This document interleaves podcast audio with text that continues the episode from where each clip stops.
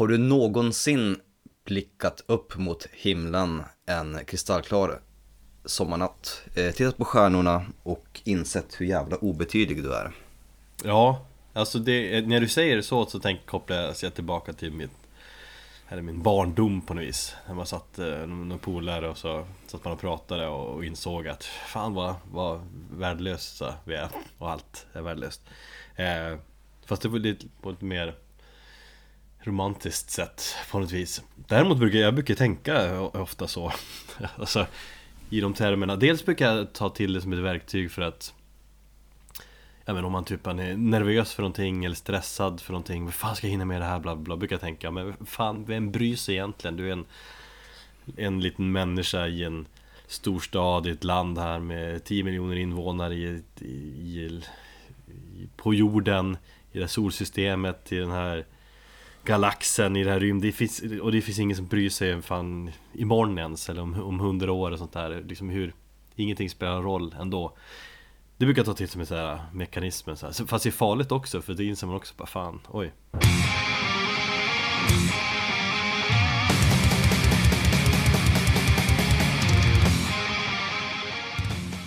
Hej hej! Du lyssnar på avsnitt 95 av Metalpodden Jag heter Erik och eh, min följeslagare i denna podcast som alltid finns vid min sida när det spelas in Även så ikväll när det är en lördagkväll här eh, Han heter Thomas med Z SZ Eh, ja, förlåt. Thomas Z.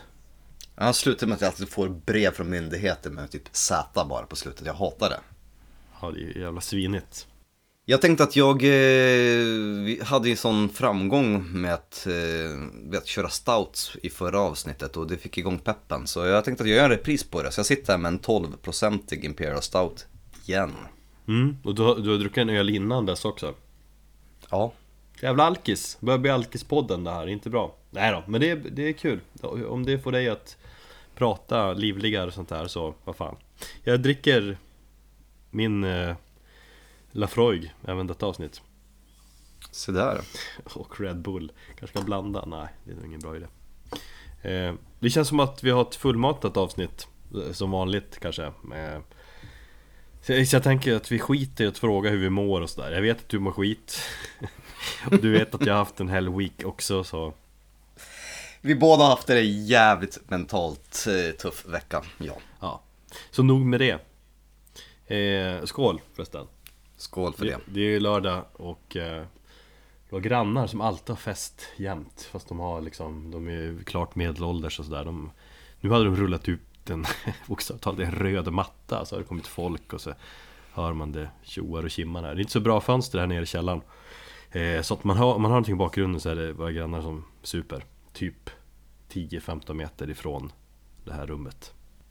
Vi har tagit fram en ny eh, t-shirt Det har vi ja Äntligen får man ju säga. Eh, Tidigare har vi ju tryckt upp en vit Metalpodden t-shirt som vi sålde slut på. Det var väl När gjorde vi det? I somras? Nej, förra, ännu förra sommaren Eller något sånt där. Två år sedan var det. Och vi tyckte det var lite få upplagor va? Ja, det var, det var länge sedan i alla fall. Och eh, Vi har haft en idé på en ny t-shirt. Eh, det är bara att det har dragit ut på tiden så fan. Men nu är den klar. Eh, Vi har lanserat den på våra sociala medier. Följ oss där. Där vi heter Metalpodden. Eh, Och det är inte en renodlad Metalpodden t-shirt denna gång. Nej. Nej. Istället har vi då en t-shirt som hyllar svensk dom För vi är ju ett fan av den genren. Just ja, och den nya svenska vågen då. Ja, vi tycker att svenska domband är fantastiskt bra och det tycker många fler också. Ja, eh. och det finns ju en våg på det sättet att eh, en radda band som helt enkelt har satt Sverige på, på, på kartan liksom musikaliskt, återigen. Ja, eller hur?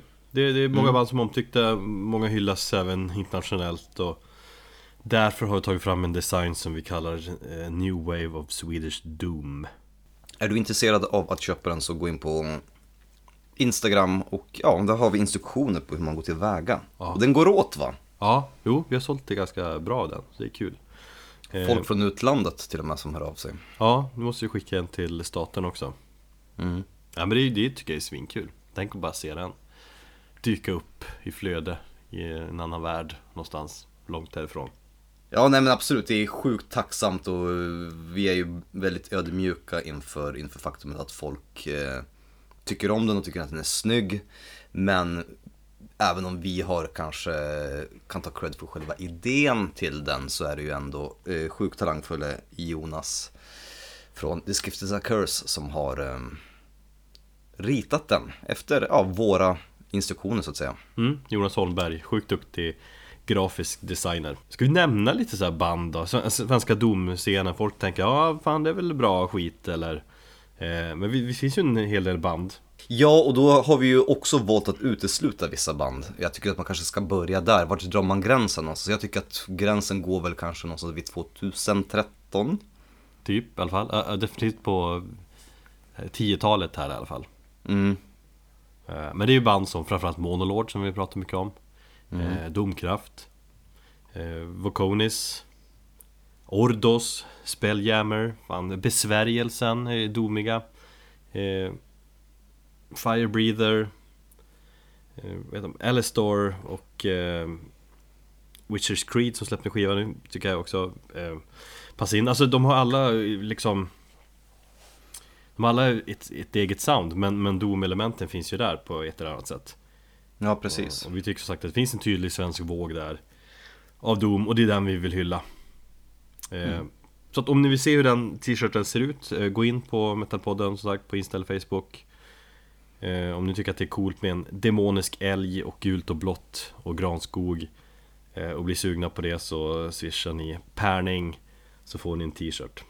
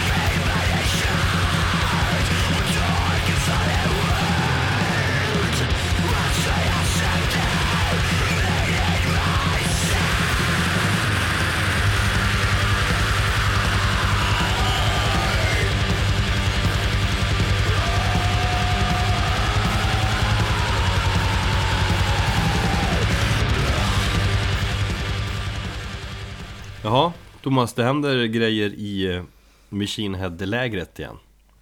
Ja, jag såg det. Och eh, lika pepp som du är på det, lika mycket åsikter har jag om Rob Flynn och hans återförening av eh, Machine Head.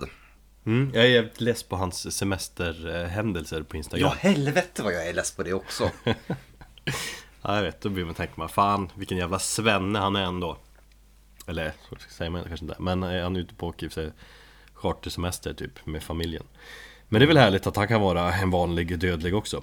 Men vi tar det väl lite från början här. Trummisen Dave McLean och eh, Gitarristen Phil Dammel hoppade av bandet eh, Och så har vi ju Vi har ju spekulerat lite vad som kommer att hända.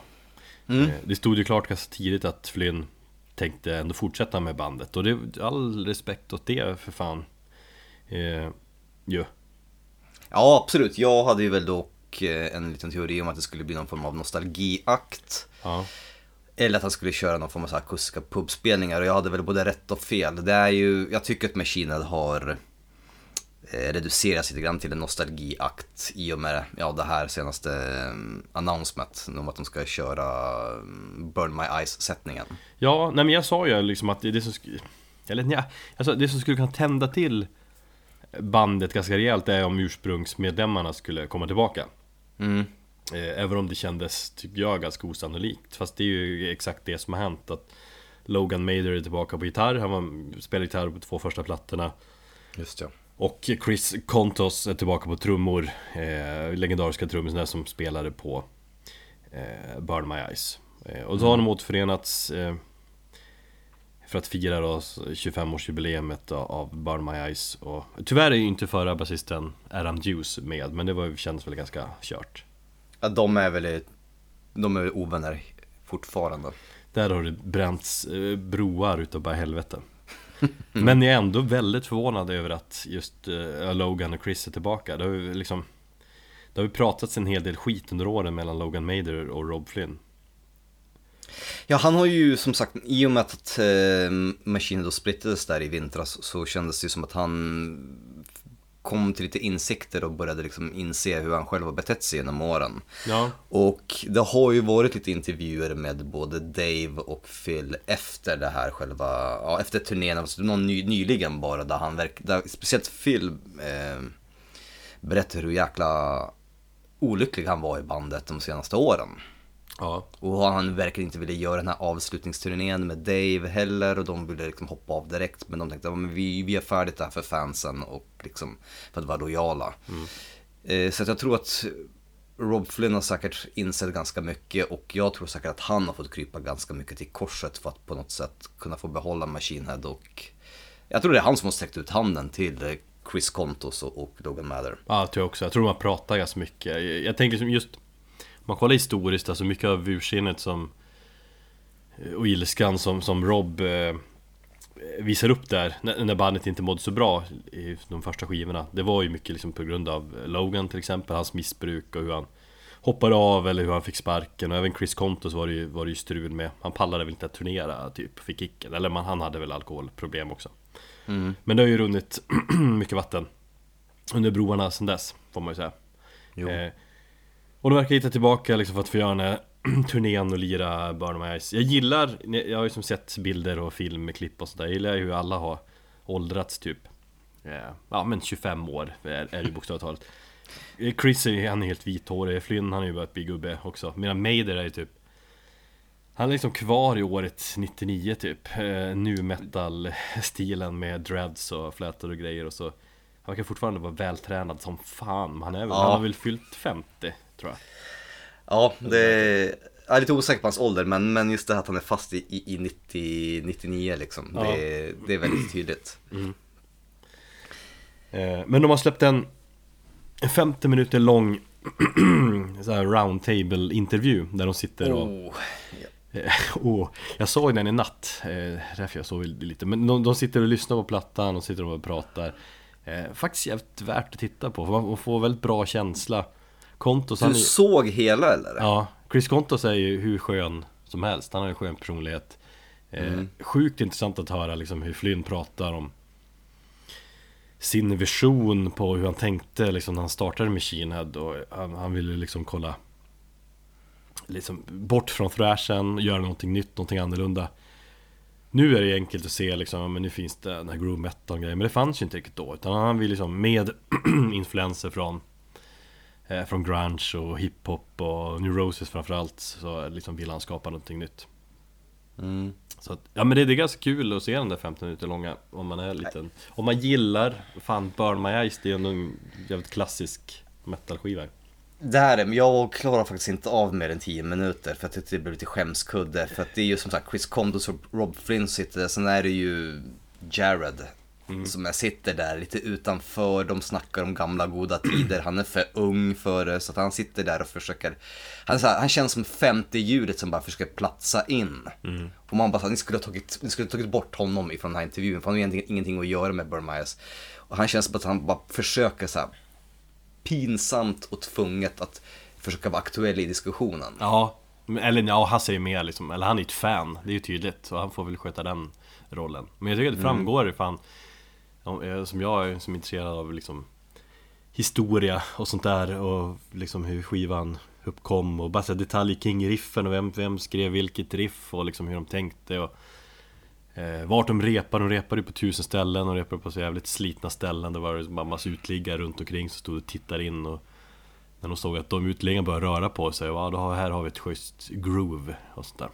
Mm. Uh, det var ganska intressant jag tycker också det blir ganska så tydligt och det blev också klart när jag läste någon intervju här med, eh, om det just var med Phil, hur liksom, hur Rob Flynn egentligen är som person, hur han har varit de senaste åren och det här med att han hoppar på bandvagnar hela tiden och, och liksom Ja men liten trendhoppare och hela den här Jag tänker på hela det här med Dimebag eh, På hoppet Eh, på, på, och ja, det här med, med, med Phil och White Power-grejen och allt det där. Hur han hela tiden liksom Ja men han, han känns ju som en sån här riktig, PK-människa som, som går dit där vindarna blåser.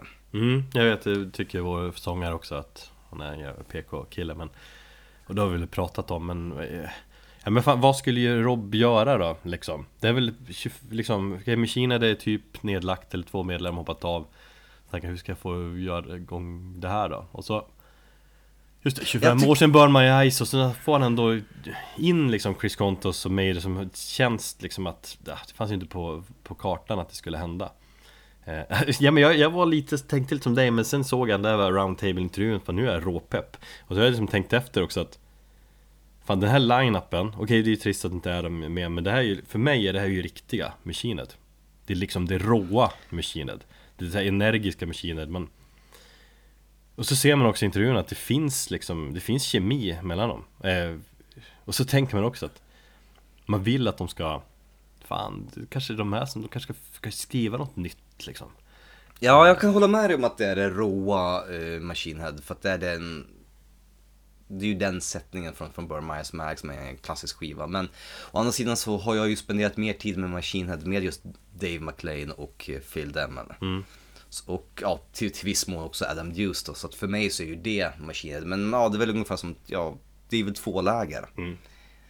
Uh, nej men alltså visst, alltså, jag vet inte, jag tycker bara det blir så tydligt på något sätt lite det blir genomskinligt hur Rob liksom bara försöker få till någonting. Bara, vad fan ska jag göra liksom? Och bara försöka vrida och vända liksom. Först började han göra en sån här Rescue Dogs-grejer där han spelade musik för, för oss. Ja, visst, all heder till det.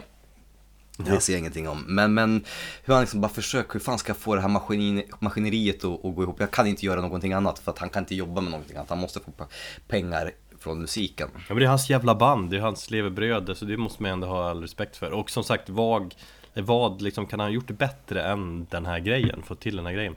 Alltså om man bara tänker sig, ser det ekonomiskt och grejer, de här datumen som har släppts nu så har det ju blivit slutsålt typ direkt och han liksom wow eh, Så fansen, eller vad det liksom Old school fansen har ju gått bananas ändå ju Ja, det finns en del fans som har gått bananas men det finns också en del fans som har liksom kallat ut honom på den här skiten, som, som säger det. Men om någon skulle komma till Stockholm hade du ju ändå varit jävligt sugen på att se det? Möjligt, jag utesluter inte det.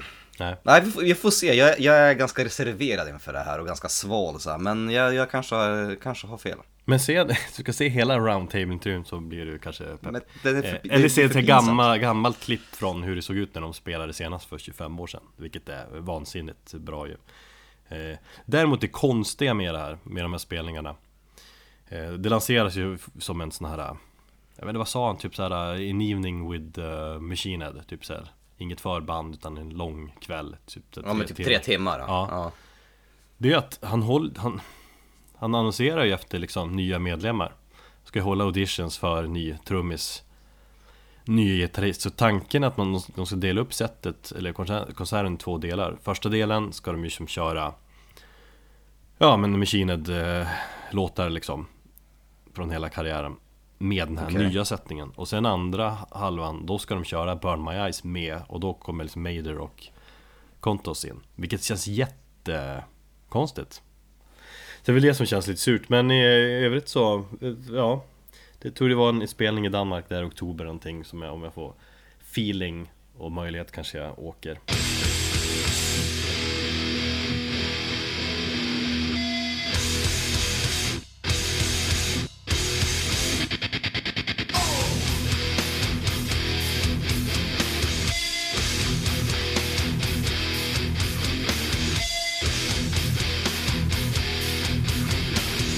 nu till avsnittets huvudämne. Vi ska snacka, vi ska snacka space, vi ska snacka space rock, space metal, space element i musiken, vi ska snacka rymden. Rymden, livet, universum och allting som eh, Douglas Adams en gång skrev. Ja, jävla tjatigt, uttjatat citat. Men sant. Ja. Du har ju sagt, Thomas, att, eh, att jag borde köra det här avsnittet. Länge. Ja, du har ju haft det här på agendan sedan vi startade podden. Ja, faktiskt. Så att jag tyckte att det var, jag har ju liksom försökt att få det och tyckte, men det här kan väl säkert bli intressant. Ja. Sen, så, sen när du väl bestämde dig för att göra det så kände jag en jävla opepp. Det är, det är en annan femma. Ja men det är... ja, men, jag, ja men visst, ja, det har varit logiskt eftersom jag gillar Space Element så mycket och jag, jag har varit jävligt sugen eh, Men jag har samtidigt känt att det är ett svårt ämne eftersom det är så jävla svårdefinierat ämne eh, Och det har ju du också blivit varse nu, eller hur? jättesvårt och jag tycker innan vi ens går vidare och börjar redogöra för det här bandet, vi pratar lite grann om just definitionen av av space rock eller space metal eller så som vi definierar den och så som vi har tänkt eh, inför det här avsnittet. Ja, okej, ja, vi, exakt. Vi måste börja med definitionen av vad vi menar med space rock. Och jag tror att, jag tror väldigt många, man har lite olika syn på vad det är. Alla har sin liksom egen känsla för, för space rock på något sätt. Eh, men om man säger ursprungligen, då brukar man prata om att att space rocken eh, uppstod där i slutet av 60, början av 70-talet med de där banden som lirar psykedelisk och, och progressiv rock. Eh, och framförallt då band då som Pink Floyd och eh, Hawkwind. Ja det, var ju, ja, det var ju där det började ja. Ja. Men sen har ju liksom genren har ju genom Genom eh, de- decennierna har ju har, Genren har ju som utvecklats Den har muterats, den har blandats med Med andra genrer så det är liksom inte Inte jättetydligt vad Space Rock egentligen är Framförallt inte, Nej. inte idag liksom Nej, för det som jag hade de största svårigheterna när vi skulle ta oss an det här ämnet, det var ju att, ja men vad är space rock? Du sa ju till mig, första hand så är det soundet. mm. Jaha, okej, då går vi efter soundet. Ja, men då börjar jag liksom utgå ifrån det och då kände jag så här att kan, man kanske någonstans kan, kan dra någon form av likhetstecken mellan space rock, psykedelisk rock och progressiv rock. Mm. Eh, och då känner jag så här, ja men var drar man gränsen vidare? Okej, Pink Floyd är i progressiv rock. De är kanske någon form av eh, upphovsmän till själva space rock, men det är ju i den mån som jag känner till Pink Floyd så tycker jag att det också är väldigt progressiv och psykedelisk rock. Mm. Och det är inte så mycket space där, utan jag, jag har ju försökt, eller jag ville närma mig det här genom att prata mer om ämn, alltså själva temat och koncept i bland artister. Och det är där vi har gått kanske lite olika vägar. Eh, ja, eller vi har väl Kanske, eller vi sa väl att det är alltså soundet först och främst vi var väl, ja Intresserade av. Jag, jag, alltså, ja exakt, men det, det, det är väl lite intressant att vi har gått lite olika vägar då Jag är väl den som är mer liksom insnöad på, på, på space rock än vad du är också Absolut. Jag tänkte ju först, men okej, det finns ju kosmisk black metal. Vi pratade om, om det väldigt mycket i vårt isländska black metal avsnitt. Jag tänkte på att många av de isländska black metalen, black metal banden, de närmar sig ju ganska mycket rymden, både tematiskt och liksom musikaliskt. Almyrkvi, allting har, har ju med rymden på något sätt att göra, stjärnkonstellationer. Det finns teknisk rymdthrash, Vector som inte är speciellt space-rocket i själva soundet, men allting annat är, är ju väldigt spacigt. Ja Nej men exakt, för, ja, Vi tänkte väl ge, ge ett antal exempel på, på, på band här liksom för att försöka beskriva vår syn på det hela. Men i grunden, om man, om man pratar space rock i grunden så handlar det ju ofta om eh, Och då tänker jag liksom soundmässigt, långa låtar, lite så här flummiga, jammiga Hypnotiska, oftast med jävligt mycket synteffekter som jag tycker är viktigt Mm, absolut, My- mycket mogsynt. Ja, och mycket samplingar och sångeffekter och ekon och så här för att ge den här känslan av, eh, av rymden. Men, men temamässigt kan det ju också liksom vara space rock för att det handlar om rymden och eller science fiction och så. Eh, och så tänker jag också just när man pratar rymd eller rymdmusik så, här, så får man ju ta ut svängarna lite mer. Det finns liksom inga regler riktigt. Rymden Nej. är Du vet, rymden är okänd, man får göra vad man vill, allt är möjligt. Det är svårt att förstå sig på rymden, man kan flumma iväg, det blir nästan lite så här äh, religiöst På något sätt. Jag tror jag läste på Reddit, eh, jag skrev ner det här att Metal is awesome Space is awesome, it's a winner combo. Ja, Det är perfekt. Ja det, är väldigt mycket som, det är väldigt mycket som ryms i begreppet. Ja. ja.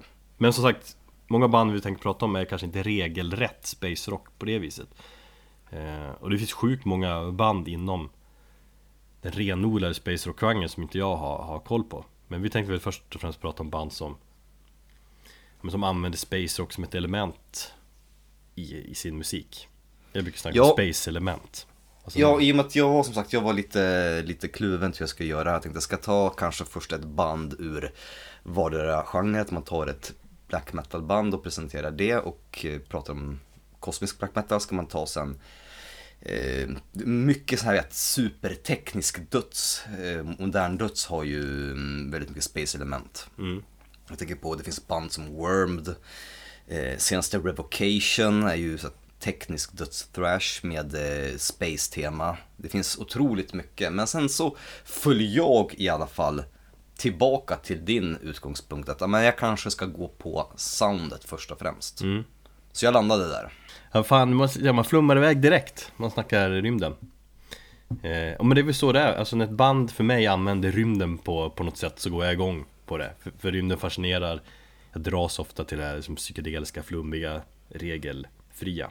Jag tänker också att i, i i genren så får man, man får mycket utrymme att göra som man vill. Du vet, space betyder ju utrymme. Man kan tänka lite så, typ att det, det är en musikstil där Det finns utrymme för mycket. Mm. Men okej, utifrån det här flumsnacket om Space Rock så är det ju Det är ganska svårt att säga exakt hur det låter då, men, men eh, Det är lite så här, som sagt hur man själv känner och tycker tror jag. Och det kan vara svårt att Väldigt svårt att skilja på psykedelisk rock och space rock tror jag också. Alltså space rock är ju en, en typ av undergenre till psykedelisk eh, Jag, jag drar ett likhets, likhetstecken mellan dem. Nej, det tycker inte jag att det är. Alltså visst, nej, det är... Alltså det är en undergenre. Det påminner väldigt mycket, men för mig handlar skillnaden först och främst om, om texterna som sagt. Det ska vara rymden. Då Ja. kanske, om man är någonstans i psykedeliska så börjar man snacka rymden och sådana tematexter. Ja, men då kanske man hamnar ner i space rock eh, facket. Och i soundet. Där man i liksom space rock ofta använder som sagt synteffekter. Och, eh, då går jag igång. Då, då åker Men- man iväg lite till rymden. Alltså det finns lite, lite grä- gränsdragningar där. Ja, men om man tar till exempel, eh, bortse från Pink Floyds Dark Side of the Moon då. Men så tycker jag att om de nu är någon form av, eh, ja, de var ursprunget i själva Space Rock-termen så tycker jag också att de är förvånansvärt lite Space i det. Då finns det ju andra band som gör betydligt det mer. Till exempel Hawkwind. Ja, det håller jag absolut med om. Så det är därför jag har lite svårt med, med själva den här gränsdragningen. Ja. Men, men låt gå, det får väl vara någon, någon undergenre då. Nej men det finns ju liksom ingen tydlig, jättetydliga liksom, gräns. Fast så är det ju, ju med många genrer. Liksom, ja, jag brukar säga jag lyssnar på hårdrock. Eller metal liksom för de som inte är så insatta. Sen finns det, kan du gräva dig ner och hålla på och nörda dig in i olika så här, genrebeskrivningar. Men som sagt, om det är liksom Ja, skillnaden mellan psykedelisk och space handlar mycket om temat, rymden och liksom i i soundet med synt, rymdeffekter och sånt. Mm. Eh, och, och så här, vi har ju diskuterat lite olika band också här under den här veckan eller två. Om de passar in i ett så här space rock-fack eller inte. Det, är- vi är ju inte helt överens där kanske. Och jag tycker inte att det gör någonting. Det är liksom en så här känsla hur man själv tycker och tänker. Liksom. Jag tycker att till exempel Kaius, eller Kyss som, som vissa säger. Fuck eh, you. Jag, jag tycker att Kaius har väldigt mycket space rock i sig. Till exempel. Men, men du, Ja. du kanske ser det som, som ett mer liksom, renodlat stoner rockband, stoner pionjärer liksom. Ja, jag tycker det. Jag tycker det. De är ju så jävla jordnära om man kan säga så i sin musik. Det är ju så här smutsigt, det, det är rått. Det. Jag kan köpa, ja någonstans så kanske det finns så element av psykedelisk eller liksom lite spacigt. Men jag tycker att egentligen så nej, jag skulle inte liksom lägga dem i det, i det facket. Jag skulle inte lägga till exempel eh, Monster Magnet heller i det facket. Ja, fast då är du ju helt ute och cyklar. Är jag det? Ja, det tycker jag. Nej men alltså, om man tar Kaius, ja, visst, alltså grunden är ju Stoner rock eh, pionjärer men, men jag tycker liksom att de har mycket stoner eller mycket space element i sig som fan Alltså framförallt eh, Welcome to Sky Valley-plattan Det är mycket Mm. rymd, mycket flum där Alltså vissa partier Men är det rymdflum? Ja men den här space Är det bara vanligt Ja men de, stonerflum? de har ju en låt som heter, eh, kolla här med Asteroid till exempel Det är mycket Oh. psykedeliska partier Space Carroten, det är extremt mycket space rock med akustiska gitarrer och sådär Om du lyssnar på den och så slår du på och lyssnar på Hawkwind då liksom och jämför så hör du att ja, jo det finns fan mycket liksom likheter där. Även Or- Orange Goblin har ju mycket space rock i sig. Framförallt alltså de tidiga plattorna Där flummar de iväg rätt bra. Väl- Alltså, Orange Goblin tycker jag är ett band som har väldigt mycket space just i sin tema och lyrik Men jag tycker Ja. musiken så är det fortfarande väldigt mycket stoner rock. Ja, det, jo, det är det ju och det är för Kajus också Men i The Stoner, många Stoner-band har mycket space-element i sig Jo, ja, ja. Jo, jag, jag kan köpa det res- resonemanget Men, men jag tycker också någonstans att Ja, jag kanske inte direkt hade placerat dem på, på, på, på, den listan. Nej, Eh, det jag tycker man i, i så fall skulle kunna säga att det alla de här banden har gemensamt, det är ju droger. Och droger får ju en verkligen att flyga ut i rymden. ja. Så är det verkligen. Det kanske, det kanske vi kan komma överens om i alla fall. det, Så är det verkligen. Space Rock och, och knark är bra Mm. Bra, bra kombo eh, Men så här, vi tänkte snacka några band som ligger eh, Någonstans inom Space Rocken eh, För att ge lite olika exempel och jag är ganska jag hade ganska många band som jag skulle kunna prata om Men vi har ju plockat ut fyra band då, så att vi inte ska flumma iväg hela natten i rymden så. Mm. Eh, Men tänker också att du som lyssnare får gärna ge lite tips på dina favorit space rockband Eh, För det finns sjukt mycket att, upptäcka där ute i rymden. Ja, och framförallt eh, kommentera om ni, om ni inte håller med oss, eller om ni håller med oss, eller om ni har någon annan definition av vad space rock är. Ja. Vi börjar, eller vi börjar som vi, vi brukar från början Som jag brukar säga. Mm. med, med just rymdrockens uppkomst Jag gillar att säga rymdrock också. Istället för space rock, rymdrock låter så jävla mycket finare på något vis. Det gör det, det kan jag, det kan jag hålla med om. Eh, Eh, och som sagt, den kom ju där i slutet av 60-talet, början av 70-talet Man brukar snacka om Pink Floyd. Även UFO eh, I alla fall de två första UFO-plattorna eh, De är jävligt flummiga. Andra plattan heter ju till och med Space Rock Eller om det- one, one, one Hour Space Rock heter den. Nej, jag bara, förlåt, jag har liksom aldrig hört någon säga UFO. Jag brukar ju alltid läsa som UFO. Ja. Jag har alltid under hela min livstid läst det som UFO, och sen helt plötsligt säger du UFO. Det bara lät fel. Men det är ju rätt. Men det är du som eh, du uttalar amerikanska band på, som svenskt också Ja, det är sant. Det är sant. eh, och UFO säger man ju Vad fan, du har väl sett Arkiv X och sånt där? Jo, jag vet, men när man läser man bara UFO, men det är ett bra band liksom. Låter jävla muppigt. Du är ett jävla UFO. Ja. Eh, Ja, nej men sagt, andra plattan det heter ju One Hour Space Rock. Eh, Men, men eh, Och det finns något annat band där också som Jag brukar snacka Space Rockens eh, början på. Men Kungarna av cool jävla Space Rock på 70-talet är ju ändå Hawkwind. Eh, Nu har jag ju för långt ifrån eh, Bra koll på hela liksom Hawkwinds karriär. Den är ju svinlång, men funnits sedan 69 och släppt. Jag kollade bara, studioalbum är, är den väl uppe i typ i 30 stycken. Ja, just det. Och typ 10 livealbum eller något liknande. Och de har ju testat alla möjliga liksom, stilar. Jag har kollat, liksom lyssnat på lite plattor ibland Liksom på hur de låter, men de har ju De har ju verkligen utvecklats och, på alla möjliga sätt. Men det är väl liksom ändå space rocken som är Hawkwinds eh, legacy. Just ja. och där ska jag säga att det är de fyra första skivorna som jag har lyssnat på och som kanske är det mest space rock. Eller inte deras första kanske, det är någon sån här halv space rock Men framförallt från andra plattan. Och tre skivor framåt, eller så kom sen så är det jävligt mycket space rock. Och det är väl med som sagt andra plattan där i In Search of Space som de hittade eh, rymden mer.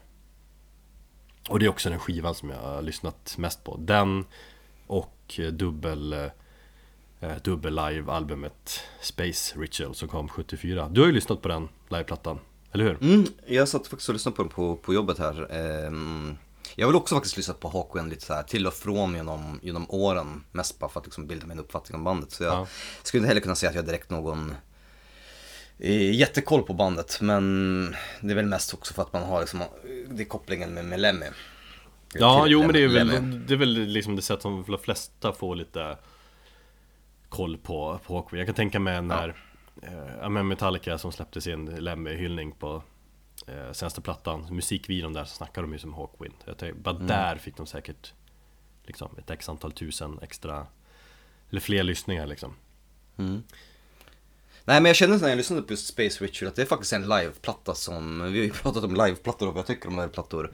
Ehm, men faktiskt sedan det avsnittet så har jag lyssnat mycket mer på, på olika liveplattor i olika sammanhang och eh, jag tycker faktiskt den var jävligt bra. Mm. Det är ju Så den är jag skulle- hypnotisk och knarkig Ja. och härlig. Men ja, jag hade faktiskt den i åtanke när vi gjorde det här live avsnittet Men jag tänkte också att Det var ju verkligen ett liveband, alltså live tog de ju det hela till nya nivåer visuellt också. De satsade mycket på På det visuella live, vi hade ju bland annat en tjej som dansade Naken typ, Stacia, eh, eller vad hon hette Det finns bilder på hon står där med sina bara bröst och sådär. Eh, Hon är ju med i bland annat Silver Machine-videon, deras största hit där.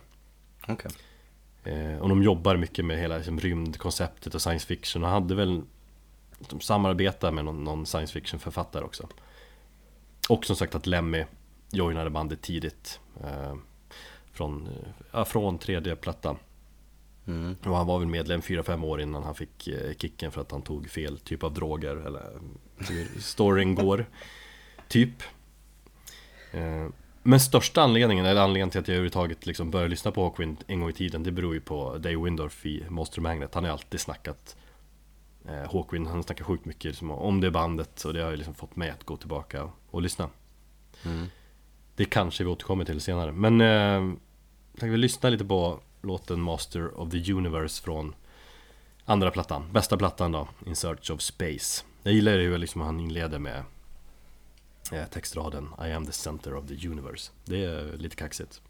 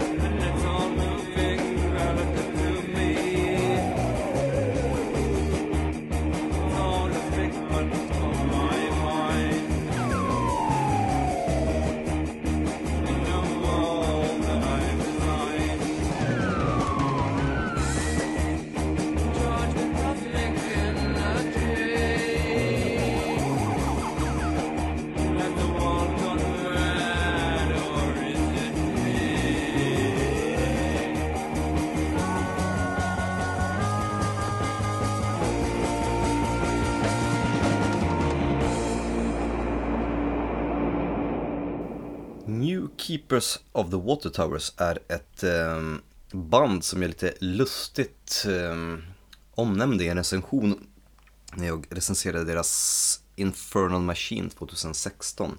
Bandets senaste och sista platta tror jag det kommer att bli. Eh, De har väl lagt ner verksamheten. Det lustiga är att jag hittar egentligen ingen info om det. De står som active på, på Metal Archives.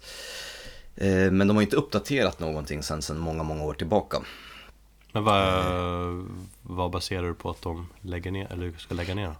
Men jag har för mig att de sa det, att spelningen tillsammans med, eh, de var ju förband till eh, Cult of Luna och Julie Christmas när de spelade på The Base Medis Just det. 2017. Ja. Och jag har för mig att de snackade om om det var då eh, det, skulle bli deras si- sista spelning. Mm. Jag har eh, via åren haft lite så här eh, lös kontakt med eh, Rasmus Boberg, en av grundarna i, i bandet. Och vi har ju pratat lite till och från och vi har med festat ihop. Jag minns inte om det var faktiskt med honom som jag, jag, jag pratade, eller om det var han som nämnde att vi har lagt ner bandet. Eh, Jag hittar som sagt inget belägg för det just nu så jag kan ju ha fel. Men jag vill minnas att det är någonting sånt. Vilket är väldigt tråkigt därför att just i den här recen- recensionen som jag, jag pratade om här nyligen så skrevs att det kan gå på två sätt för det här bandet. Antingen blir de jättestora med sin senaste platta Infernal Machine eller så kommer de liksom falla bort i någon form av glömskans periferi. Och det är lite grann så det hände. Varför de nu inte är aktiva det vet jag inte om. Men det känns som att de är väldigt det är ett väldigt underskattat band och det är ett otroligt talang, talangfullt band som tror jag säkert skulle kunna bli Ja, kunna blivit jävligt stora. Men jag tror att det är ganska typiskt för den här typen av, alltså, om man rör sig någonstans inom i space-rocken på något sätt. Alltså det, I och med att det är ganska flummigt, det kanske inte riktar sig till den stora massan liksom.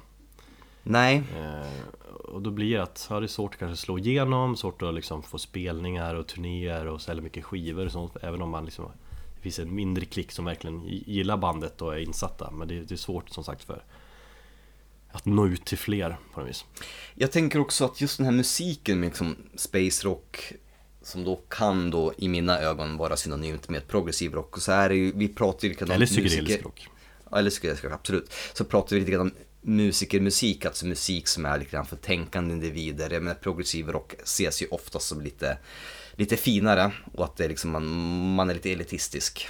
mm. Det behöver inte alltid vara så, fall, eh, fallet behöver inte alltid vara som sådant, men, men jag tänker på att många som verkar i den genren är oftast jävligt begåvade musiker och jag tycker att man, man hör det väldigt mycket på, på New, New Keepers of the Water Tours och alla deras album att det, är, det finns någonting mer än bara vet, ett hårdrocksband. Ja. Och att de, de liksom de slängdes oftast ihop i, i facket med typ Mastodon och det minns jag själv att eh, bandet hatade den eh, liknelsen eller den jämförelsen. Även om det, jag tycker att man kan höra liksom mycket grann av liksom, det finns en del likheter men det är väl kanske för att de just rör sig i någon form av progressiv och i alla fall i, i sitt tidigare skede så, så var det lite mer stoner rock. Mm. Men ja, ett, ett, riktigt, ett riktigt bra band som jag upptäckte med skivan The Cosmic Child som släpptes 2013. Eh, bandet bildades 2009, 2009 och släppte eh, två stycken album tror jag på eh, ett så här legendariskt bolag som heter Meteor City som var ett,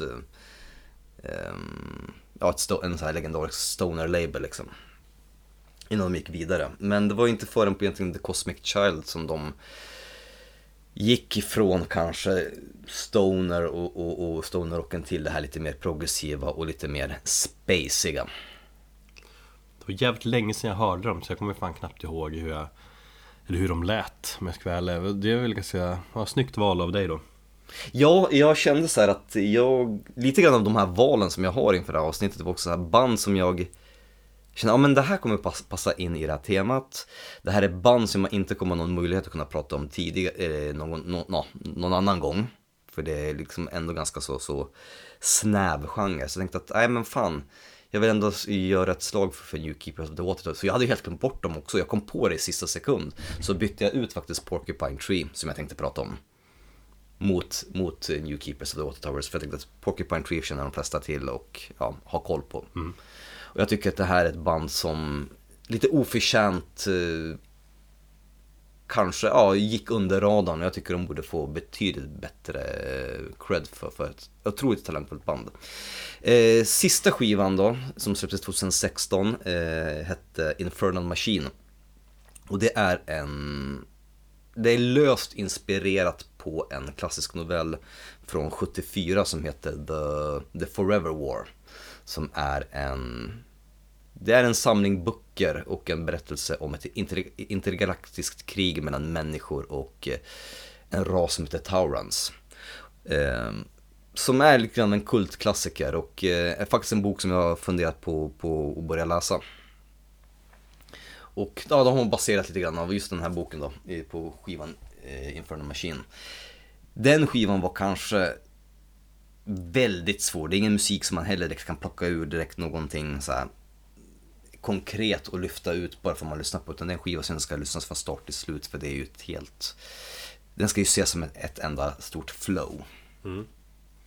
Men eh, jag tycker istället att vi går till, till en skiva som jag eh, upptäckte bandet med och det är The Cosmic Child. Eh, för jävligt bra psykedelisk rymdrock helt enkelt. Och eh, vi lyssnar på låten Pyre for the Raid Sage.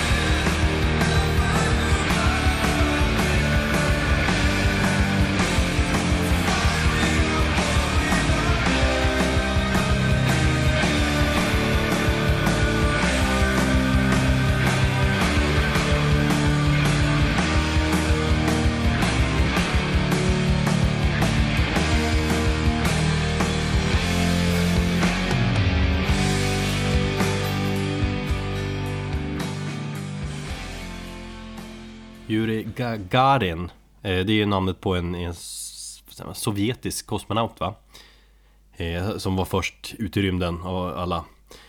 1961 skedde det. Fan det är sjukt att man eh, togs upp i rymden då ändå. Det var ju typ mm, 60 år sedan. Och inte fan har det hänt så mycket sedan dess egentligen. Det togs till månen och sånt där, det gjorde de också tidigt. Fan, Vi har fortfarande inte liksom tagit oss till Mars Nej, vi har bara skjutit upp en jävla roadster i, i rymden.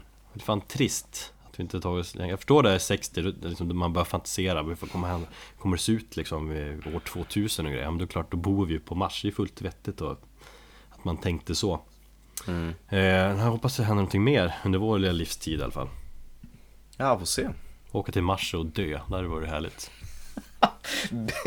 Precis, kan, kan vi inte bara fly den här världen för att, för att återupptäcka småbarnsmisären på Mars istället? Ja, Ta nio månader att ta sig dit. Bara för att sitta i samma sits som vi sitter i just nu.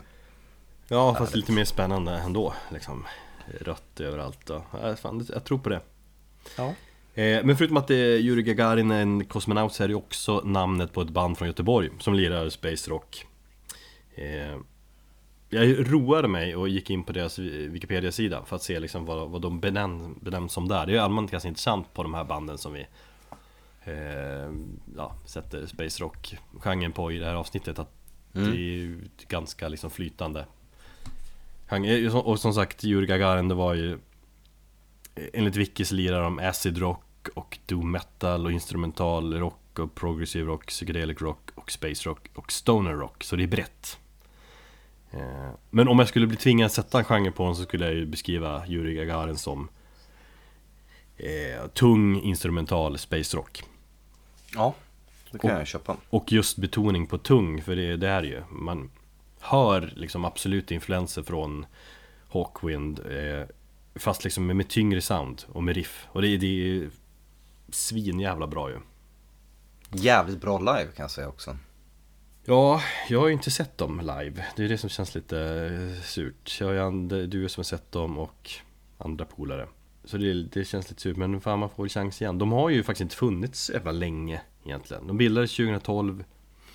De har hunnit släppa två fullängdare och en EP här väl, eller var det bara en singel? Eh, Men det var länge sedan de släppte någonting nu, senast var ju 2015 liksom. Dock gick jag Ja. in, precis in på deras eh, Facebook Och där står att de ska in i studion i juni och eh, spela in till en tredje fullängdare som ska bli Förhoppningsvis släppas i slutet av året eller i början av 2020 Ja just jag tänkte precis säga att de, de borde vara på väg med någonting nytt. Sen råkar jag också klicka mig vidare till deras eh, webbshop här och se att jag vill köpa lite grejer. Fan t-shirt, ska jag ha. En vit t-shirt, skitsnygg. Och så har de en pin och så ett tygmärke grej Kostar inte så mycket heller Så att, eh, Ska du köpa en vinyl eller? Nej det säljer de inte här Vinylerna Aha. har jag ju förutom eh, EPn där Men när man är i rymden då vill man ha Vill man ha rymd eh, Mm. Eh, De är ju som sagt ett instrumentalband Och så spontant låter det bara, ja men inte det är lite trist då? Men det är ju inte det, för att man, man tänker inte på att man saknar eh, sång när man hör dem det är, alltså, Space Rock behöver ju fan mig inte sång egentligen Det är liksom här, det här är så skickligt uppbyggt så att Det känns som att det är mycket känslor som förmedlas I gitarrmelodierna Det är som de som sjunger på något vis Mm. Och då får man tolka det som vad, vad, vad de sjunger om, hur bäst fan man vill Nej, jag kan, jag kan hålla med dig om det. Eh, Jag bara tänker spontant på, på min sambo. Hon hatar instrumental musik. Ja Men sagt, Space Rock är ju mycket instrumental Jo. Och så gillar jag att de har extremt mycket Space synt-effekter Mycket mogsyntar där också. Ja, och, och liksom så fort man hör det så går man igång på musiken konstant. I alla fall jag. Eh, Vi lyssnar lite grann, vi hoppar in halvvägs typ i låten Cluster of Minds från senaste skivan At the Center of All Infinity från 2015 Rymden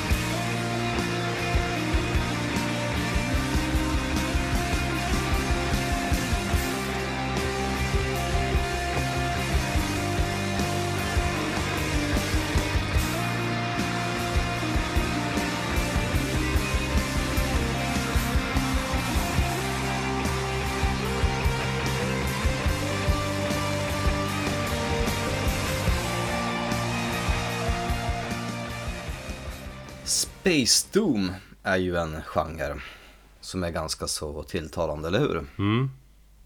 Det gillar du va? Ja, jag gillar allt med Space Ja, men just Space Doom.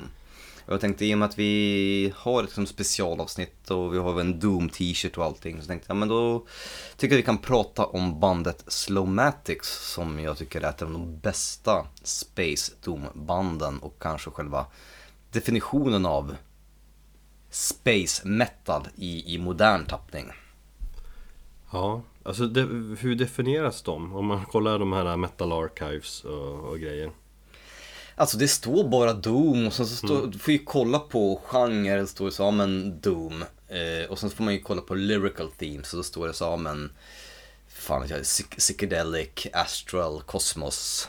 Mm. Det är lite så man får gå till. Men jag tycker att Slomatics har ju det väldigt tydligt i, i själva um, soundet. De har ju väldigt mycket syntar och effekter som gör att det blir väldigt spacigt. Plus att de har ett tema och en... Mm, ja, alltså allting kring bandet kretsar egentligen kring, kring rymden på ett och annat sätt. Mm. Bildades 2004 i Belfast eh, och det är en trio med två gitarrister och en sjungande trummis och de programmerade syntar. De har absolut ingen basist men de använder jävligt mycket olika effektpedaler som gör att de fortfarande är sjukt tunga. Ja, Eh, bra vänner med eh, Conan. Bandet. Eh, ett band som är totala motsatsen till Space Doom för de håller sig ganska mycket inom grottor och sånt där. säga. Ja.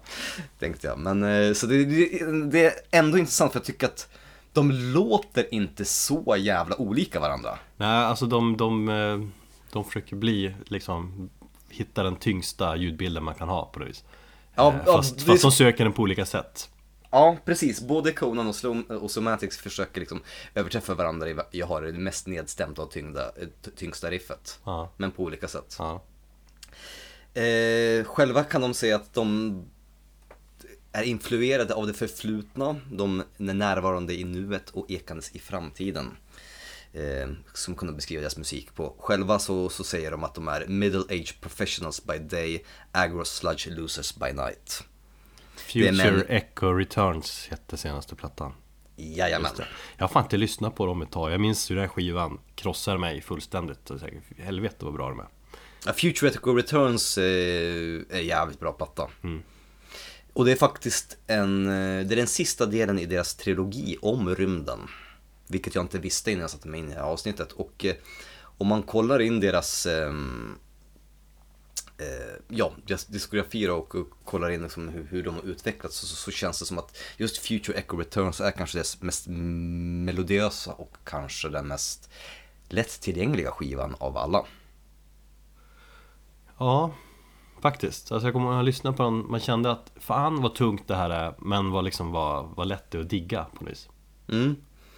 Ja, men som sagt, det, det är den avslutande delen i en trilog, trilogi då, och eh, som började med eh, skivan Ahokt och sen så Estron och sen så avslutade Future Echo Returns. Vad exakt trilogin handlar om det är lite ovisst och man får väl, de vill inte skriva lyssnaren på näsan heller utan man får ju väl göra sin egen tolkning. Men fan tar de om de överger rymden på nästa skiva? Eh, det kommer en skiva våren 2019 så jag tänker att det är ju typ april-maj. Så att det var, lär vara en stundande skiva här när som helst. Är det inte sagt något Eh. datum eller någonting? Det är ju typ, det ska ju, ja, när som helst. Nej men kollar man deras hemsida så stod det så bara men new album spring 2019 liksom. Så att det, det är ju typ nu. Men när skrev de det? Om de skrev det i början av året så kom- kommer den ju skjutas fram till eh, Slutet av förra. Var det. Slutet av förra. Så att, eh, Ja. Ja vi får se. En, annan, en annan ganska rolig eh, beskrivning som de själva har på sin egen musik är 40 year olds playing down-tuned, down-tuned Hawkwind worship at unnecessarily high volume. ja, det är snyggt. Det är ganska säkert faktiskt. Ja. Jag såg dem på Roadburn 2017. Eh, jävlar vad det var tungt. Fy fan vad det var. Det är liksom mina, mina inälvor skakade av liksom alla de nedstämda riffen. Alltså det är det, sen är det så jävla bra ljud på Roadburn också, så bra liksom P och allting, så allt blir så sanslöst bra där. Ja, Jag ska ju dit de där dagar förresten, så att eh, ja fortfarande fuck you. Ja, ja men jag kommer kanske snacka lite Roadburn nästa avsnitt då Absolut, det där blir ganska, ganska mycket Roadburn tycker jag nästa avsnitt. Ja. För jag kommer vara jätteintresserad och du ska få köpa en massa grejer till mig. Som den på Sörman är. Ja, jag tänkte ta en ganska stor väska faktiskt Bra. Eh, de släppte en split med Mammoth Weed Wizard Bastard 2018 eh, som heter Totems. Jävligt bra split faktiskt. Eh, som jag rekommenderar att lyssna på. Den släpptes i mars 2018 så den är ett år gammal. Eh, men alltså ett jävligt bra eh, domband som helt enkelt fokuserar på, på rymden. Jag tycker vi ska lyssna lite grann på just eh, min favoritskiva då som är Estron, den andra skivan i trilogin och låten Tunnel Dragger, jävligt spacig. Mhm. Jag tycker också att Slowmatics är ett jävligt bra exempel på det de som säger att de inte är intresserade av Doom? Äh, det går så långsamt, bara tråkig genre och sådär Det finns ju sådana Jag har polare uppe i Umeå som säger så eh, Då ska man lyssna på Slowmatics för att liksom höra hur jävla cool Doom-genren kan vara Ja, det kan jag köpa. Mm. Lyssna på Tunnel Dragger så kommer ni ändra uppfattning.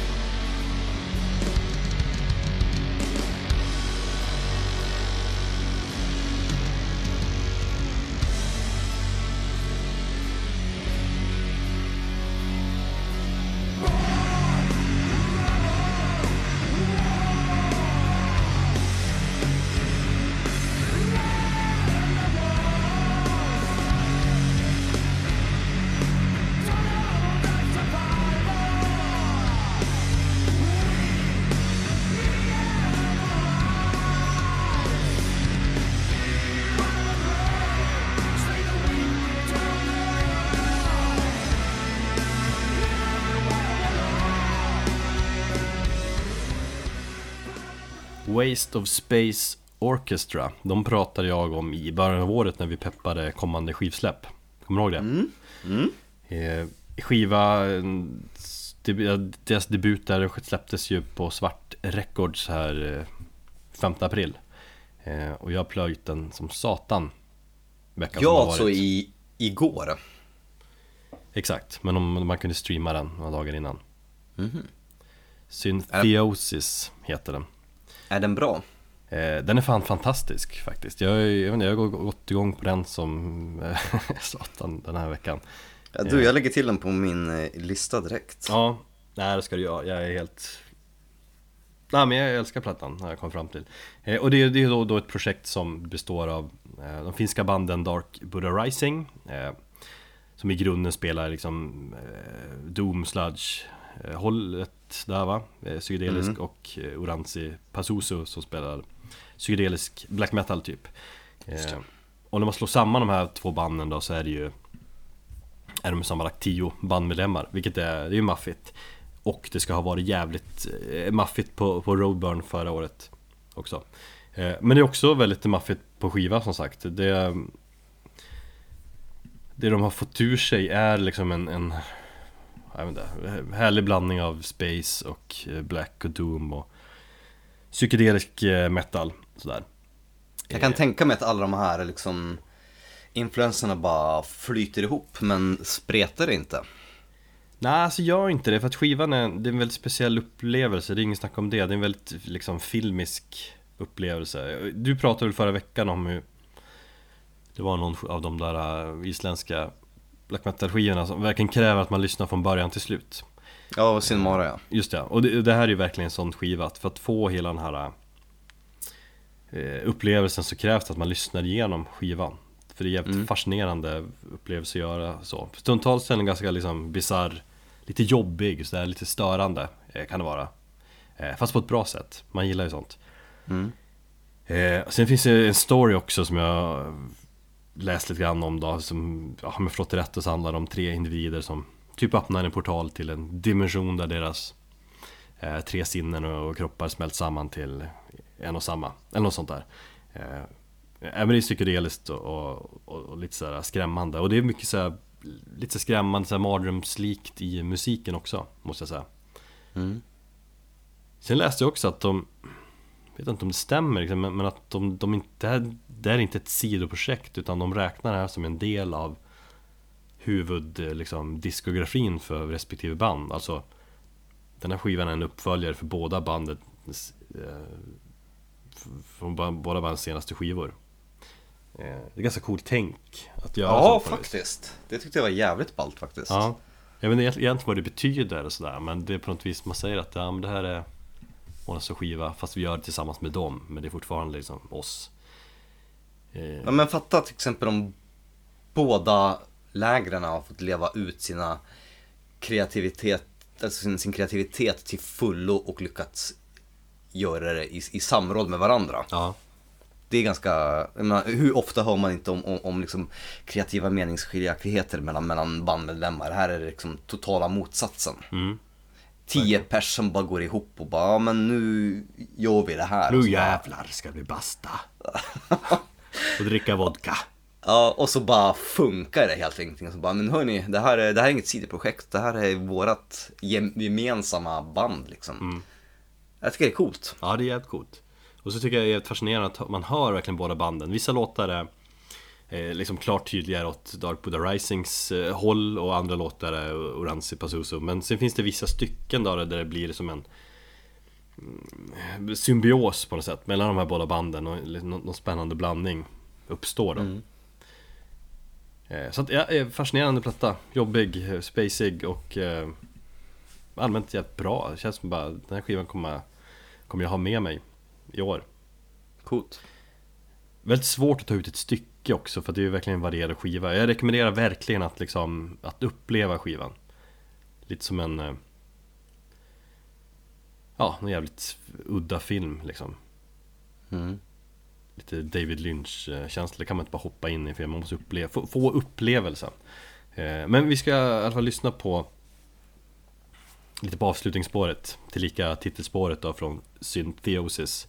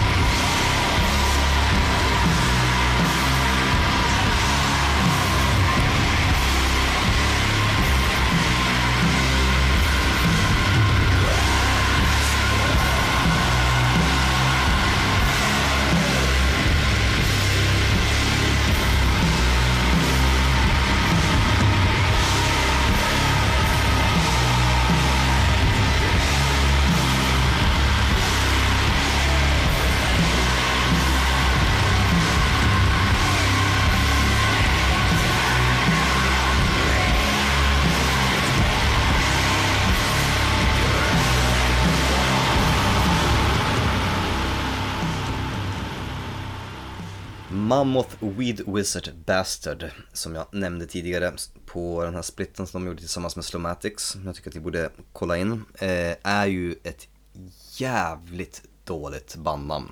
Ja, Kan vi komma överens om. mm. vi, har, vi har pratat om dem tidigare i podden för typ tre år sedan eller något sånt där. Nej, tror jag. Det, var inte debuten som kom då eller något. Eh, jag vill minnas någonting om att vi... ehm, jag vet ju att det, det är ju vår vän Harald, eh, Domlobben, som, som jag vet att han, det var han som fick igång mig på bandet. Mm. För, för många, många år sedan de släppte sin EP. Det var en låt på, på 30 minuter. Ehm, och sen så har de ju bara blivit värre med, med sin med låtlängder och så. Ehm, men jag, alltså jag, jag kan inte, jag har läst på lite grann och jag kan inte riktigt hitta någon, något fog eller bevis för att det här skulle vara ett plojigt bandnamn utan de verkar vara väldigt seriösa med det.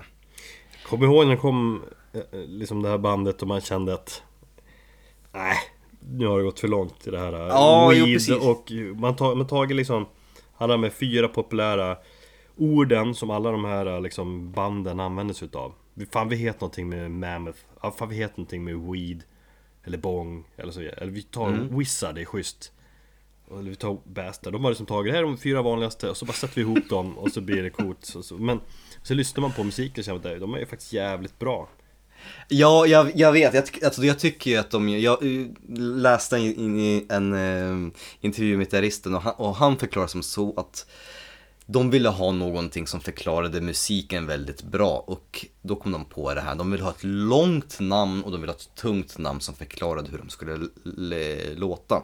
Så därför kom de på det här. Man skulle kunna tro att det är en jävla så bandnamnsgenerator som man har använt på, på, på internet. Ja, verkligen Eh, och jag tycker de gör sig en sån jävla oförtjänst genom att använda det här namnet. För jag tror att det är majoriteten av människor som, som kommer över det här känner att de bara, nej för fan jag orkar inte och liksom bara, vet, klicka vidare.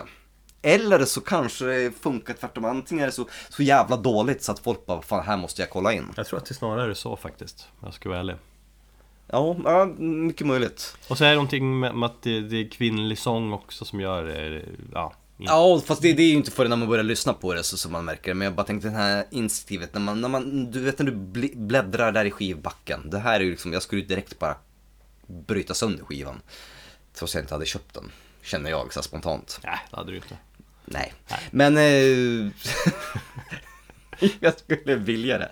Eh, lyckligtvis så är deras musik mycket bättre än bandnamnet och skivan, eller musiken blir också så mycket bättre ju längre i diskografin man kommer. Eh, det är ju ett walesiskt band med många titlar på walesiska. Det är, jag ska inte ens försöka mig på att uttala eh, albumen i det här avsnittet när jag har de svenska översättningarna och det räcker tycker jag.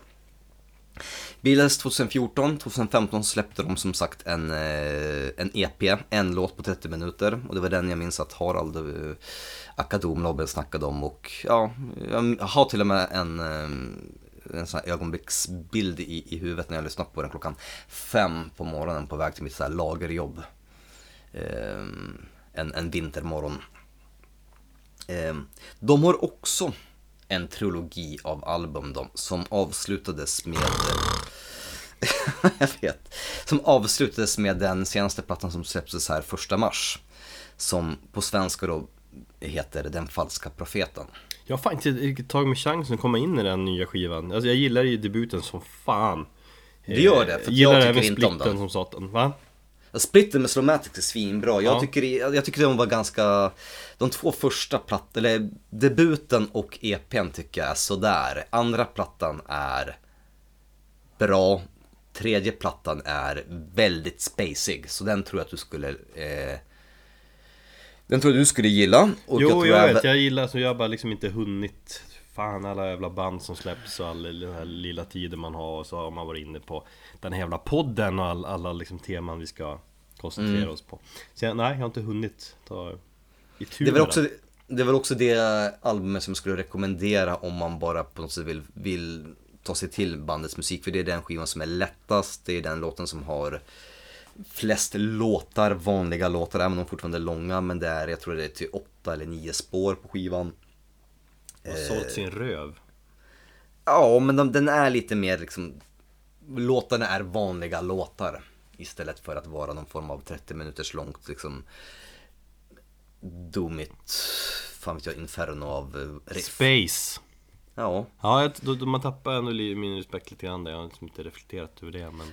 Nej men de, har- de har gått från tung malande dom till lite mer space och eh, löst så är den här trilogin med skivorna som avslutas nu med den här senaste skivan är eh, att första skivan handlar om eh, Börjar i underjorden. Eh, den titeln då kan översättas på svenska till Naken och vis.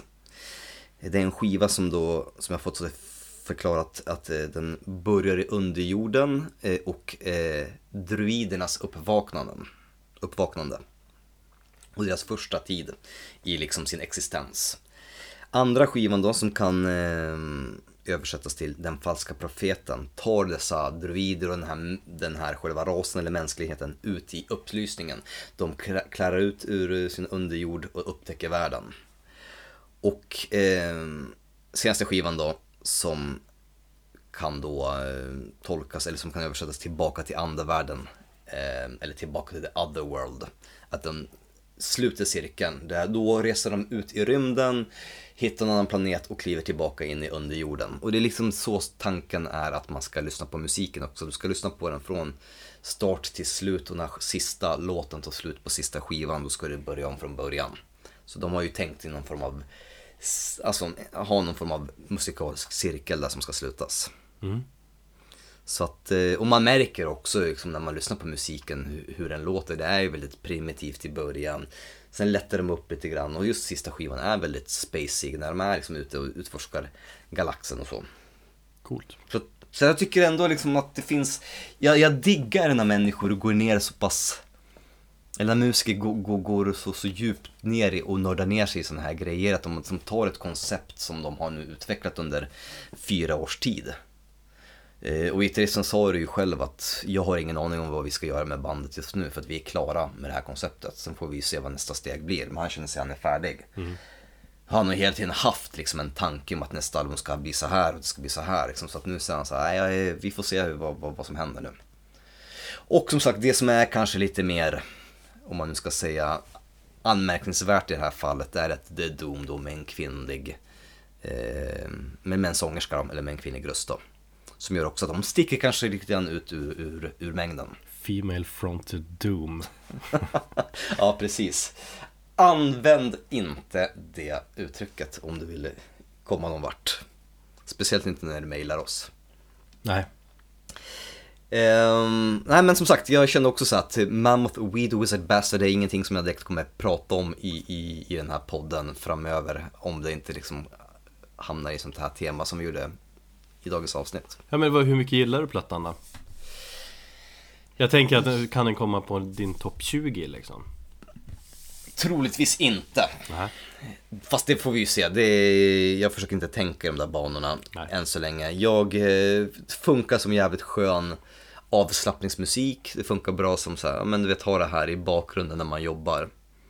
Och man vet, man bara spacear iväg. Men känner du det nu liksom när du ändå spacat in dig lite mer i, i space-rocken? Att har, du blivit, har du blivit lite mer space? När jag snackar om liksom alla mina, fan det är space-element det, det, det där bandet, då går man igång på det. Jag förstår liksom mer Lite mer vad jag menar liksom När man flyger Alltså, ut i rymden Ja, ska jag vara riktigt ärlig så, så har jag inte riktigt släppt. Jag är ju som bekant eh, en periodare. Jag, jag, jag kör ju en, en viss sak, så dödar jag det och sen så går jag vidare. Jag har fortfarande inte släppt den isländska black metalen. Nej Och jag är lite rädd för att göra det, för att jag vet inte riktigt vad jag ska ta mig vidare härnäst. Jag och Patrik har pratat lite om det här, så här bara, vad fan ska man knarka och snöa in sig på nu? Måste man alltid hitta nästa nya grej liksom? Att, Ja, men jag är ju sån. Jag är ju för fan en period, jag säger jag. ja Så att jag, menar, jag eh, knarkade mm, thrash metal från 80-talet i nio månader innan jag hittade den isländska black metalen. Mm. Och innan det så knarkade jag Bolt Thrower i eh, sex månader. Ja, helvete vad du är inne på den. Och innan det så knarkade jag Celtic Frost och eh, Autopsy i, i ett halvår. Ja. Så du, du, du förstår ju liksom, jag, är- jag är ju speciell på det sättet. Så att jag vet inte, just nu har jag en liten tanke om att eventuellt, om jag ändå inte ska utforska mer space, kanske. Eh, jag hoppas att Waste of Space Orchestra kanske kan få mig eh, insnöad ännu mer. Så tänkte jag att jag skulle eh, återupptäcka gammal bluesig rock. Okej. Ja men du vet, så är jag. Fan, jag, jag Nej behöver men, ha... men Jag det vi som var behöver... inne på, jag- vi, tog ju snack, vi snackade väl om det förra avsnittet också med isländsk black metal Att du har svårt för psykedelisk black metal Du vill inte att, att Jag det älskar flummar lite för mycket Jag älskar psy- psykedelisk musik men jag har svårt med det just black metal, jag vet inte varför. ja. Men du gillar att sväva iväg och sådär? Absolut, det gillar jag. Det finns inget bättre än att flumma iväg liksom ibland. Ja, Det är väl kanske har att göra med att jag har svårt att släppa taget eh, om, om, om, om liksom jordelivet liksom i, i vardagen. ja. Men en vacker dag när man kanske känner sig avslappnad och kan släppa kontrollen så kanske jag kan lyssna på, på, på lite mer space rock. Mm, bra Eh, vi lyssnar på låten The Majestic Clockwork från senaste Mammoth Weed Wizard Bastard skivan.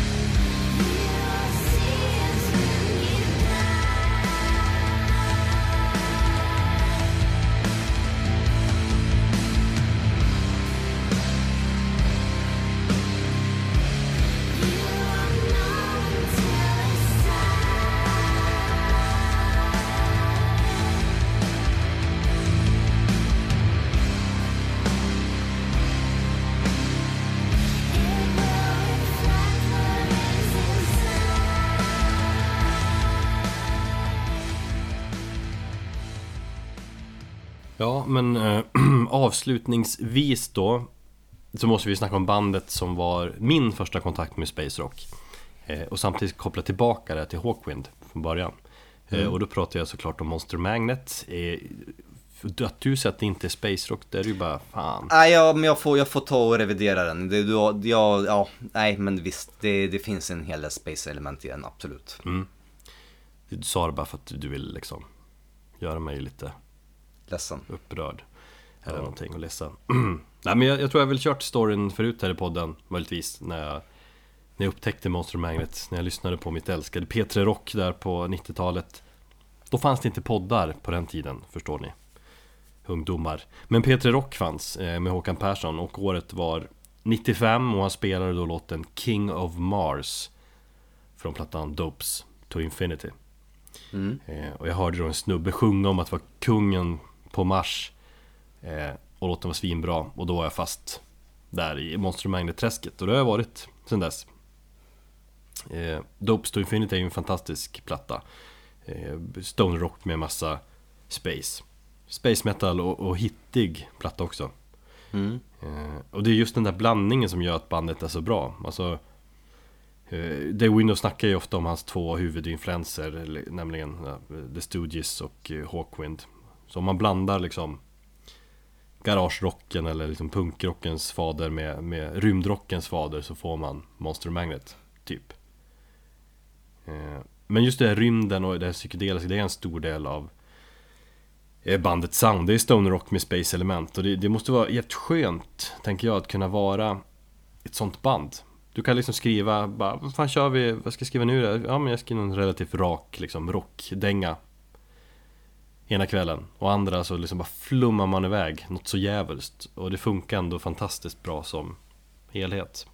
Ja men det jag menar, eller det som jag tycker är ganska så härligt med, med Space Appeal, som du sa här, att det finns ju inga regler. Nej, Det finns, man ska behöva förhålla sig till en massa regler i andra genrer, annars så får man fansen efter sig eller, eller kritiker. Medan man i Space Rocken egentligen är ganska fri att göra vad som helst, för man kan inte dölja sig bakom just det epitetet. ja, nej precis. Men just det här kan ha liksom att det är en, liksom som man, man hör att ja, men det är en ganska klassisk rocklåt.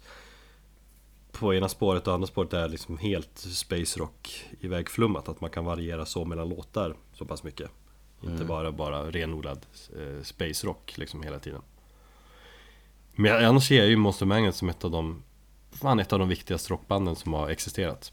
Alltså oavsett om man väljer att se Monster Magnet som liksom space rock-rävar eller någon form av, eh, för att jag retro-rock eh, eh, band så har ju ändå Dave Windorf och Monster Magnet varit liksom pionjärer och format eh, stoner-rocken.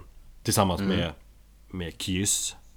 Eller, nej, tillsammans med Kaius förstås och, och Sleep och kanske något band till jag, jag, jag liksom rekommenderar alla att lyssna igenom Magnets första platta Spine of God som släpptes 91 som väl typ räknas som första riktiga liksom stoner rock-plattan. Men det är väldigt mycket psykedeliska influenser väldigt mycket space rock på den plattan också.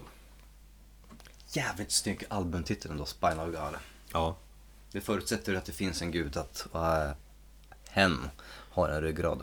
jävligt snygg albumtitel, jävligt fult skivomslag. Eh, Men kungen då. Men just låten Ja. Spine of God är ju, ja fan, episkt. Skit.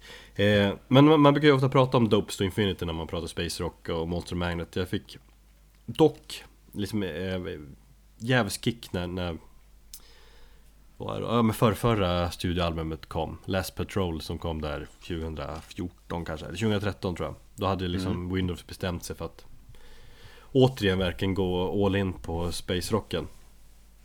Igen. Fantastiskt album på många sätt, kanske lite så här uh, underskattat eller förbisett eller så. Eh, Och sen är det ganska intressant att jämföra just Last Patrol med, med senaste studioalbumet eh, heter det då? Mindfucker från The Fuel Ja, just ja. som också är någon form av retrotänk. Fast det här är det ju mer liksom studiosrocken som får stå längst fram. Och Space Rocken får ta ganska många steg tillbaka Vilket jag egentligen tycker är lite synd om Ja, Jag föredrar kanske någon blandning eller att han liksom går mer all in på Space Rocken. Men vad fan. Det känns som att han I och med att han är gammal gubbe så, så han kan åldras bättre med Space Rock på något sätt. Det känns som att han kan vara hur gammal som helst och Lira Space Rock än att lira liksom bredbent eh, liksom rock'n'roll på något vis. Ja. Det kan jag köpa.